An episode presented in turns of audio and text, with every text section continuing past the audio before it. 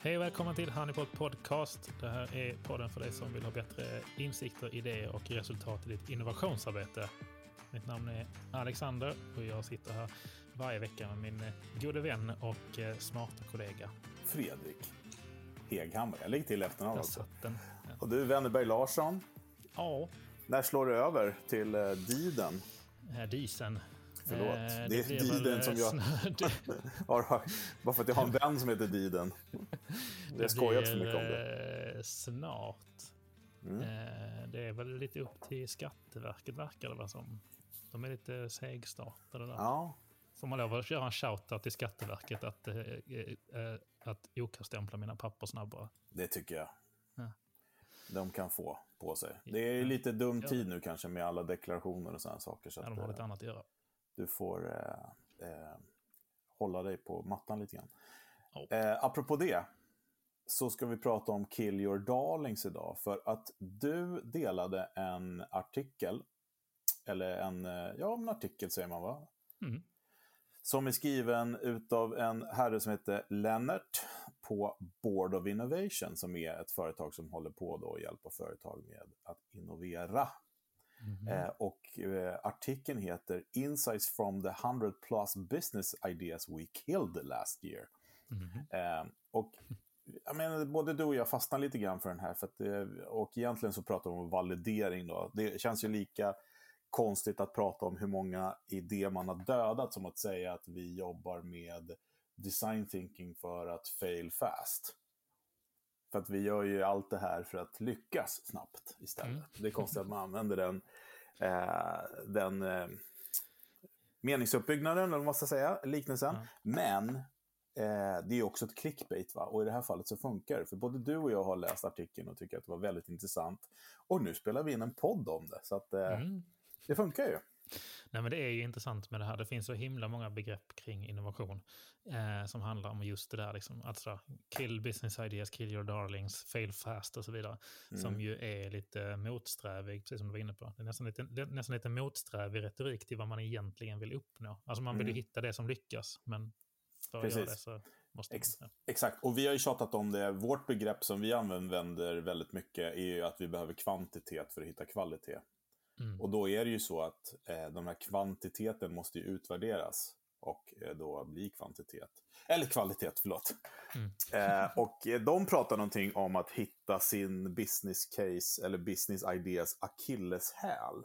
Mm. Eh, vad har vi på akilles, Alexander? Känner du till Det storyn? var, jag känner, alltså usch, nu, nu blottar du mina eh, väldigt eh, svaga betyg. Jag tänkte säga du har väl sett filmen, men det vet jag att du inte Eh, har. jag nej, att jag säga. är, ju ingen, jag är ju ingen filmtittare. Alltså, jag Nej, men det är grekisk my- mytologi, va? Utan det var då Yes. eh, Freja och, och var det inte Odysseus som hade, fick en son då, som heter Achilles.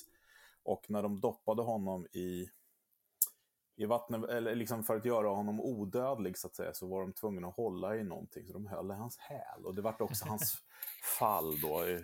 Han fick en pil i hälen och det var då han dog helt enkelt. Eh, Den, annars var han helt övervinnig. Så är det igen- som här man, är det som såna, när man doppar såna här chokladbollar, liksom, där det, alltid, där det, alltid, det är liksom alltid kex under. Ja, precis. Det är liksom Kex som vi säger här uppe. kex, precis.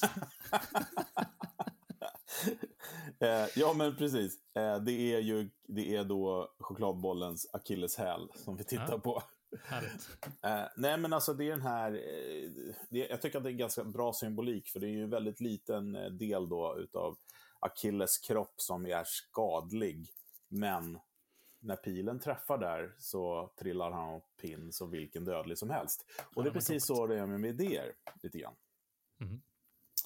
Eh, och de här eh, människorna då på eh, Board of Innovation, eh, boardofinnovation.com, de delar väldigt mycket bra content ska vi säga.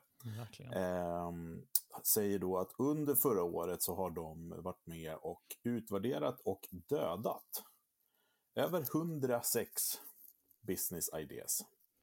Mm. Eh, och det handlar då om att de har liksom tagit fram en process då för att snabbt kunna validera, liksom, är det bra eller dåligt? Och det här är lite... Det här stöter jag på ganska ofta. För att vi vet ju om några att när man gör en startup så handlar det också om att vara uthållig. Ja, och det är... Oh, här har jag... Det här, oh, här, nu får inte in mig på det här. Det här är två och en halv timmes monolog i sig själv. men jag går och hämtar en kopp kaffe då, så kan vi köra på. Nej, men, ja. nej, men alltså det är ju någonting som vi, man vet mm. att man måste vara. Men ja. det handlar ju också om, vi lär ju våra kunder varje dag att prata om att inte lägga alla ägg i en korg och mm. liksom springa hit och dit. Men förlåt, jag ska inte avbryta dig nu. Berätta, en, en, en kort monolog. Ja, nej, jag ska, jag ska inte gå in på det för mycket. Nej, men det som är intressant det är att man vet aldrig, eh, och det tycker jag har fått säga i så många fall tidigare också, att man vet aldrig var brytpunkten är. Nej. Och det är det som är lite läskigt också mm. eh, i det. Att har man, eh, det finns ju eh, massvis av exempel på när man har eh, under en viss period eh, fått liksom hundra personer som sagt att det där kommer inte funka, det där kommer inte funka, mm. det där mm. kommer inte funka varje dag, flera år i sträck. Mm. Fram tills punkten bryter. Mm.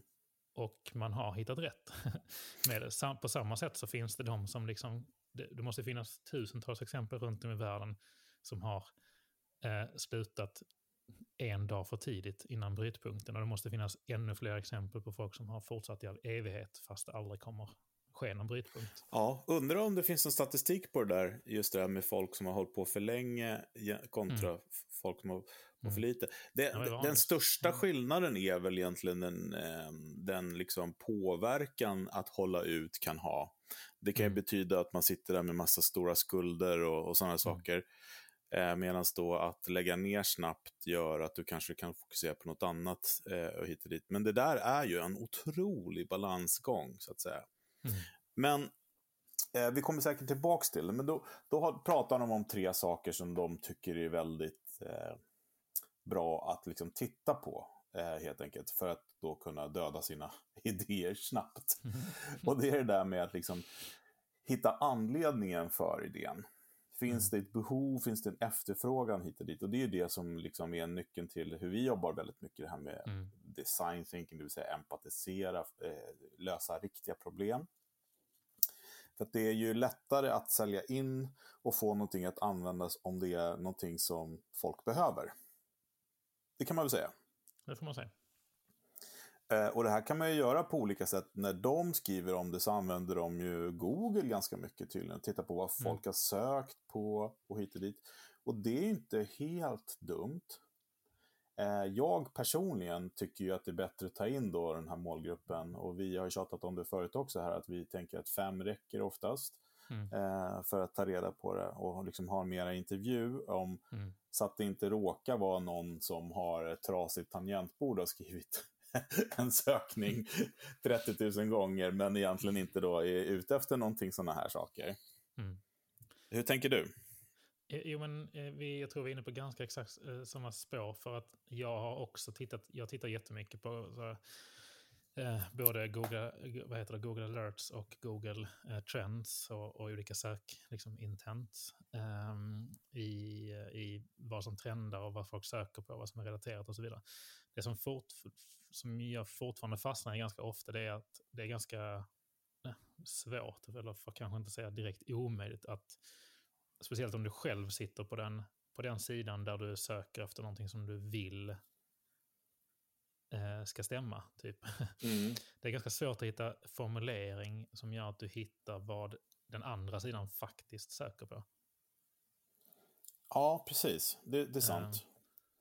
De, använder, de använder sig av en tjänst som heter answer, answerthepublic.com. Mm, den var skitintressant. Ja, jag testade precis den och jag sökte mm. på ordet innovation och får en mm. väldigt bra så här, vilk, hur många då har sökt på det mm. eh, och vad de frågar. Liksom uppdelat på lite olika kategorier. When, how, which, can, why, what, mm. are. Väldigt intressant liksom. Men vi har ju också en, eh, får man säga att vi har en intern guru när vi refererar, i alla fall när vi föreläser och sådana saker. Det är ju Alberto Savoia. Ja, det får man säga. Och han skulle ju säga att uh, this is not worth shit, skulle han säga, för det här är inte din data. Nej, och det, det, det, det, är jätteroligt för att vi pratade ju om det i för, förra avsnittet. Ja. Eh, eh, pre-to-typing av your own data. Och den går ju, eh, och jag tycker det är, jag älskar den, den, eh, det arbetssättet och den, den inställningen. Eh, men jag tycker också att det här från Board of Innovation är, är sjukt intressant. Men precis som du är inne på så eh, är det precis motsatserna på många sätt. I form av att han menar ju på att du kan inte, det här är inte din egen data. Det, mm. Utan det här är, det är inte data som du har fått genom att de interagerar med dig egentligen, utan det är data som finns där ute. I ja, men precis. Och det, och det, kan ju putta en i rätt riktning. Jag menar, eh, ja, ska du sälja glass så kanske det inte ska vara kallt ute. Det är ju liksom, mm. Du kan titta på en väderapp och se var det snöar mycket och mm. tänker att nej, det här är inte bra, det är bättre att ta där i sol. Men eh, eh, när man väl kommer dit sen så bara, oj, nej, alla är laktosintoleranta.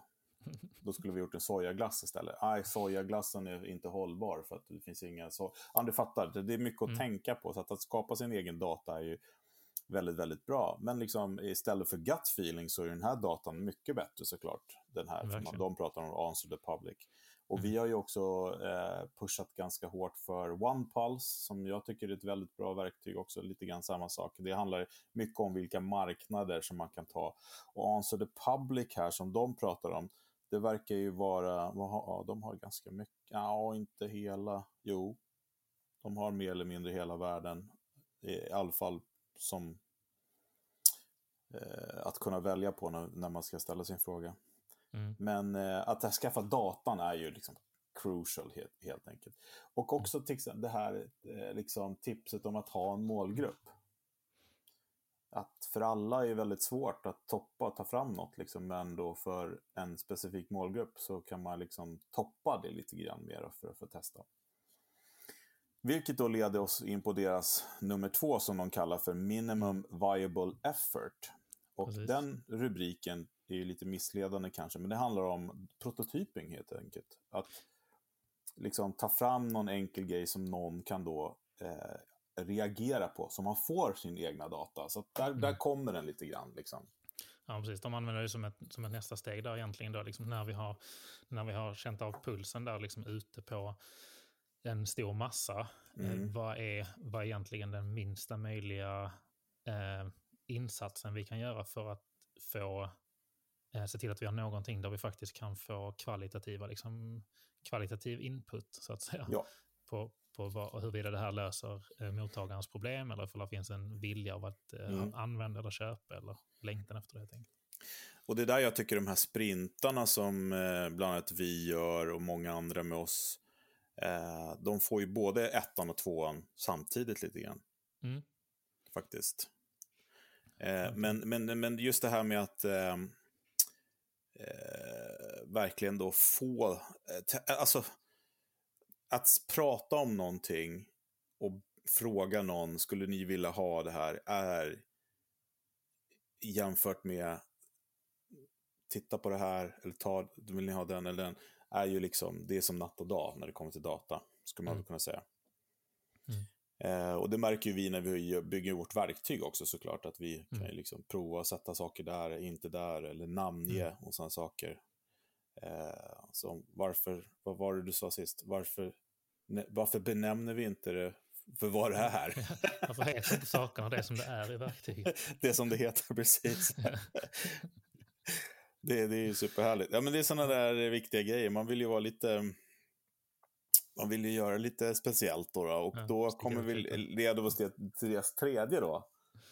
Som är det här niche versus two niche. Och den vet jag inte mm. riktigt om jag fattar fullt ut här. Um, vad säger du om det steget? Vad är det de vill åt där egentligen? Um, nej men jag, jag, tror att det är just den där, uh, um, eller jag uppfattar det som att det är typiskt den där situationen av att uh, som vi har nämnt innan, i att sådär, är du för alla så är du för ingen. Precis, och eh, skalbarhet också, ja, eller hur? Exakt, för mm. att det, den, den tunna linjen däremellan är ju att eh, är du för alla så är du för ingen, det vill säga mm. att du mm. kan inte ha en för allmän inriktning och vara mm. liksom allt för alla. Eh, men eh, det finns också en risk med nischinriktning eh, i att det kanske inte finns en Eh, antingen inte en tillräckligt stor marknad eller att det är för krävande skalningsmässigt. Mm. Um. Som vår podd här till exempel, som vi handlar om innovation. Mm. Men egentligen så skulle man ju kunna ta bort ordet innovation och säga hur vill du lyckas med dina initiativ eller hur vill du fatta bättre beslut eh, och komma snabbare mot målet hit och dit. Men eh, Precis. eh, nischen här hjälper en ju att fokusera, Mm. men också limiterar då. Mm, mm. Nej, men det handlar väl mycket om just det att hitta, kan vi hitta ett, ska man säga, ett segment i segmentet så att säga, utan att det blir för, ehm, för begränsande också. Mm. Ehm, Ja, men verkligen. Men man kan också tillfälligt begränsa. Det är det som jag försöker jobba mycket med när jag jobbar med våra kunder. Eh, eh, så säger jag så här, ja, men vad kan du göra nutid, närtid och framtid? Och nutid är nu då inom eh, fram, ett år, närtid 1 3 och kanske framtid 3 till 5 då, eller 3 till Mm. evigheten. Mm. Och det är ju också att hjälpa till att nischa vad man kan göra nu med den efforten man har, eller med, Mm. med den eh, resursen man har. Mm. Eh, men sen också att man då tänker på skalningen. Och det här är ju oerhört viktigt också såklart när man, när man startar ett bolag hit och dit. Och det är, det är väl det de menar lite grann här. Är den för nischad så Mm. kanske så finns inte den här skalbarheten i den. Och, eh, och hur många är de? Det kan ju vara en nisch som är väldigt, väldigt stor och så kan det vara en väldigt köpstark nisch också. Precis. Men jag tycker det är en extremt bra poäng alltså till det som vi pratade om innan med uthålligheten också. Eh, kring något. För att det är, jag- kan tycka att det är så typiskt sak när man pratar mycket om eh, affärsidéer och, och startups. Och, eh, kanske v- det har blivit väldigt extremt inom techvärlden också. Specifikt just det här med att allting måste vara superskalbart från dag ett. Ja, Eh, och det är ganska svårt att hitta någonting som är superskalbart från dag ett. För oftast måste man jobba lite grann i det här. Ja, men först måste vi börja där, men ha, också ha med de här segmenten och Mm. sektionerna. Eh, där vi faktiskt redan från start tänker på hur ska det här vara skalbart nog om tre till fem år kanske. Och Ja, hur ska precis. vi ens överhuvudtaget ta oss till tre till fem år till att börja med? Precis. Jag tycker ju så här, Ja, men- jag, eh, när man jobbar mycket med eh, förändringsarbete i organisationer, eller man ska Mm. förbättra, man ska bli mer hållbara, eller man ska vara mer effektiva och sådana saker. Då är det väldigt lätt att jobba med skalning, för då kan man säga så här, vi börjar det här teamet, eller vi börjar på Mm. den här avdelningen, eller, eller Mm. ännu mindre, i det här projektet. Mm. Och då har man ju skalbar lösning. Men jag, jag förstår, när, som du säger med, med eh, produkter och sånt, så är det ju svårare. Men än en gång, man tjänar så himla mycket på att tänka det steget längre. Eh, faktiskt. Och Mm. det var lite roligt, jag gick och lyssnade på eh, Värvet idag Mm. eh, med, med Göran Greidner, Greider, heter han va? Mm. Dalademokrat. Ja, men absolut. Det är en väldigt intressant herre faktiskt. Mm, Han, eh, jag rekommenderar att lyssna på det avsnittet. Han, eh, ja. Eh, man behöver inte tycka om vad han står politiskt, men hans tankar är rätt. Men han pratar just om det här lite grann som jag brukar tjata om när jag föreläser om det här med att vi kan samarbeta som människor hit och dit. Och Mm. hit och dit. Men också det här med att vi människor, till skillnad från många andra varelser, kan tänka steget längre. Nu Mm. gör inte alla människor det, uppenbart. Men vi har förmågan att, eh, att eh, drömma om och sätta upp uto- utopier till exempel. Alltså en hund kan ju eh, liksom följa instruktioner och vara väldigt, väldigt smart. Men en hund har väldigt svårt tydligen att se till exempel eh, en, en, liksom en, måla upp en drömtillvaro som, vi, som den försöker uppnå. Liksom. Eh, Hundarna jobbar inte mycket med så vision boards och sånt. Nej, men jag tänkte, undra om andra djur gör det som samlar in mat och såna grejer. Tänker att det här ska jag ha så jag kan leva gott sen. Men det brukar väl vara djur som gör det, brukar glömma bort att de har samlat in. De bara samlar på hög, helt enkelt. Nej, men det är ganska intressant tanke tycker jag det där med liksom våra eh, mänskliga drifter så att säga. Eller de här Mm. behovsstegen som man pratar om. Eh, Maslows trappa och sådana trevliga, spännande saker. Mm. Visst heter han det? Det Maslow. Ja, Jag tror det. Eh, Jo, i den här podden får han göra det i alla Mm. fall. Mm, det får han göra tills, tills vidare. Ja, behovstrappan är det. Ja. Precis. Maslows behovstrappa. Ja. Ehm, men tillbaks till, eh, till, till det här nu då. Ja. Ehm, det här med att tänka steget längre, det var därför jag tog upp det med podden. Att han Mm. pratar just om att vi har förmågan att göra det. Eh, och det är där skalbarheten kommer in. Jag kan göra det här nu, men vad har det för, eh, vad har Mm. det för implikationer på framtiden? Eh, Jag tar, jag tar det här strategiska beslutet nu att jag eh, nischar produkten lite Mm. och sen öppnar upp hit och dit. Mm. Men som sagt, att deras modell då att validera var det här med att hitta behovet eller liksom finns det en efterfrågan. Mm. Eh, testa den efterfrågan med minsta möjliga eh, effort, alltså Mm. eh, kraft, eller vad säger man? Mm. insats. Mm. Eh, och eh, då titta på din målgrupp eller din potential, liksom, att, så att den inte är för nischad helt enkelt. Yes. Eh, eller eller som, som vi säger då, att nischa den kanske då också. Det är ju och ta. Men med de här eh, grejerna då så kan man då faktiskt få till sig att, eh, att eh, validera sina idéer på ett ganska tidigt stadie. Mm. Ehm, och de har ju en valideringsguide där som man kan ladda ner på deras webbsida. Vi kan länka till det, så man Mm. då kan följa de här stegen. Ehm, det här med valideringsguider hit och dit. Det var som, jag har ju nämnt förut också det här när jag jobbade på Google, att vi hade de här tre eh, principerna så att säga, som också funkar som validering, men på en mycket mer high level. Och det var ju Mm. det här, är det bra för användarna, är det bra för världen, är det bra för Google? Just det. Och att eh, sådana, och där var man ju tvungen att ha två av de där då, för att få jobba vidare med någonting. Vilket det var då flera idéer som eh, eh, ja, fick då gå en tidig död till mötes. Mm. Jag måste faktiskt kommentera det här med att kill your darlings. Jag säger Mm. park your darlings. Lägg dem i byrålådan, för man vet aldrig när man behöver dem. Det tycker jag är viktigt. För ingenting ska dödas här inte, utan det ska pausas. Det var, det var fantastiskt sagt, för att det vi vill åt också, det är att bygga den här Pippi-väskan som du pratar om ibland. Mm. Kappsäcken full med guldidéer som man bara kan eh, ösa ur. Och eh, det hade vi på Google. Vi kastade aldrig någonting. Vi arkiverade väldigt noga Mm. med taggar och hit och dit. Och så kom det en förfrågan, så bara, ja, vi gör en liten enkel sökning i vår databas. Och mycket riktigt, där fanns det x antal idéer som vi kunde fila till lite grann, så kunde vi röra Mm. oss snabbt framåt. Och vill man ha ett hem för allt det här arbetet kan man använda Hypes. Ja, men precis. Exakt. Eh, det, det ska vi verkligen understryka att eh, mycket av det här vi pratar om har ju vi ett fantastiskt verktyg där man kan göra såklart. Mm. Eh, och det vet jag inte vad jag sagt till alla ni som lyssnar. Vill ni testa det? Hör av er så ska vi se till att ni får Ja, prova det här. Mm. Och är ni konsulter som jobbar med kunder Mm. så har ju vi tagit fram ett erbjudande där konsulten kan få använda vårt verktyg gratis då, men kunderna betalar.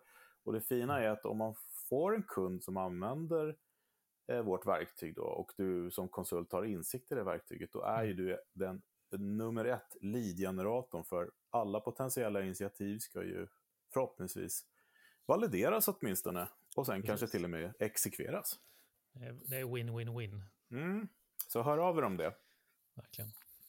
Validering, jag tycker att det här är väldigt spännande. Eh, som Mm. sagt var, många använder ju business canvas och sådana saker. Och egentligen handlar det om, det går inte att understryka eh, nog. Det handlar om att ni måste, innan ni startar sådana här initiativ, veta hur ska ni utvärdera dem. Mm. Eh, och tyvärr så är det ju så att det är, ja, jag vet inte, de flesta, flesta organisationer har inte tillräckligt med pengar för att hela tiden vända sig till managementkonsultbolag för att utvärdera idéer. Eh, utan man kanske behöver göra det själv eftersom vi pratar om kvantitet, vi, eller vi vet att man behöver ha kvantitet av idéer för att hitta guldkornen. Och då betyder det att du måste göra sådana här valideringar väldigt ofta. Mm. Eh, som sagt var, i det här fallet 106 stycken på ett år. Mm. Om det hade kostat 3 miljoner styck för att gå till en konsultfirma, då hade man ju varit ganska fattig. För det, det var ingenting i den här artikeln som sa att, att de hittade något som var bra efter de 106 faktiskt. Eh, och det, det är en annan grej. Men, men att sätta upp era valideringskriterier, och de behöver inte vara... Eh, alltså ju närmare det ordinarie sättet att fatta beslut om är, desto bättre. Mm. Men två, tre är bättre än inget. Och framförallt också att man kan utvärdera olika idéer på samma sätt. Det är nyckeln. mina jäkla äpplen och bananer jag pratar om. Äpplen och bananer och päron och allt möjligt. Mm. Ja. Så kolla på det tycker jag. Mm, det tycker jag. Är det dags för eh, en goodiebag? Yes, vi kör goodiebagen. Yes. Veckans goodiebag. Ja, det var veckans goodiebag. Härligt med lite kongas så här på en tisdag. Eh, så här är det, att eh, veckans goodiebag är ju också då eh, insmugen och halvstulen då från samma, samma företag som vi pratade om då. Eh, helt enkelt eh, de här boardofinnovation.com. För de har mycket godis där och vi länkar då till en, en eh, matris kan man väl kalla det som heter då Ballpark Figures. Som är ett väldigt bra alternativ till Business eh, Canvas skulle vi kunna säga. Den är lite mer high level och den går således också lättare att fylla i. Eh, snabbare kanske till och med. Eftersom lättare och snabbare brukar gå hand i hand. Mm, Eh, vilket gör då att du kan fatta ett beslut eh, lite snabbare kanske. Precis. Ett sätt att helt enkelt inte behöva ha ett det här mega business-caset utan kunna validera Precis. lite, lite snabbare. Eh, och bara liksom lite high level då. Vi ska länka till den så ni får gå in och titta på den. Eh, den är uppdelad egentligen på en, två, tre, fyra, fem stycken olika datainsamlingar eller punkter. Och den första är att man liksom ska titta på vem, vem är köparen av produkten. Eh, liksom, vem köper produkten? Det vill säga det, det här med målgruppen hit och dit. Och andra punkten är vem använder produkten? Och det är spännande för att i vanliga, många fall så säger man att det är den som köper som använder produkten. Men det kan ju också vara föräldrar som köper till barn till exempel. Kanske en sån här spelkonto på Minecraft eller någonting. Ja, då är det en förälder som köper men det är barnet som använder. Eh, Eller det kanske är en, en, en ett, Eh, man köper till sin, sin förälder medicin kanske. Ja, då är det tvärtom. Ni fattar. Så att man ska mappa ut sin buyer och sin user helt enkelt. Sen ska man titta på frequency, det vill säga hur ofta sker de här köpen? Är det en Minecraft-licens om året? Eller eh, är det mera? Ja, då har vi det här in-game eh, store eller vad det heter. Så att det kommer vara jättefrekventa köp, men de är små hit och grej. Och vad är det för potential då i den här målgruppen? Vad tror vi? Eh, för potential i fjärde då? Eh, är det, eh, vi, vi, det här i Frankrike, säger ja det är 20% av barn, då, då, då, då blir det si och så många. Så att det är liksom potentialen i det. Men vi kan också skala den till Tyskland, då, då är det eh, 200 000 till, etc. etc. Eh, vilket då leder oss till eh, sista punkten, eh, som är då eh, vad är det för värde på det här då? då? Och då kan man ju räkna ut det. Vi säger att det, eh, ja, det kostar 10 pund varje gång vi gör ett köp. Vi gör 50 köp om året. Vi har en potential målgrupp på 20 000 användare och då får man ju fram då ett, ett värde helt enkelt. Eh, och eh, det blir då den här revenue som man då fattar beslutet på. Liksom. Eh, och då kanske det blir så ja men vi har en potential på 50 miljoner euro. Liksom. Ja, är det värt att gå vidare då eller inte? Det är så de gör. Det tycker jag. Jag tycker den är, är perfekt liksom, underlag just för att göra det lite, lite, inte riktigt lika mastigt som man kanske... Ja. Nej, Jag tycker också det. Eh, sen så, så, så innan det här vi spelade in podden här så tycker vi ju självklart att det finns en del luckor här och där eh, för att vi jobbar ju med det här också. Eh, till exempel det här då att man får reda på att det finns en eh, revenue på 50 miljoner euro. Så det är ingenting som säger att det inte kostar 70 miljoner euro att få den. Men det, det är en annan fråga. Eh, det, det är ju en annan, vad kostar det att bygga det här spelet? Och vad kostar det att få tag på de här användarna? Etc, etc. Men det spar vi till ett annat avsnitt. Det tycker jag. Men som sagt var, eh, den heter Ballpark Figures matris. Vi länkar till den i vår eh, description. Och eh, är ju väldigt bra alternativ till Business Canvas. Men än en gång, jag tycker och uppmuntrar er att göra er egen matris. Eh, helt enkelt. Men det här, det här var en bra grej. Testa! Definitivt. Tills eh, nästa eh, vecka så säger vi tack för den här gången. Och vi ses på Det gör vi. tisdag igen. Innovera på och ge aldrig upp. Gör det. Kör hårt. Nej. Hej hej!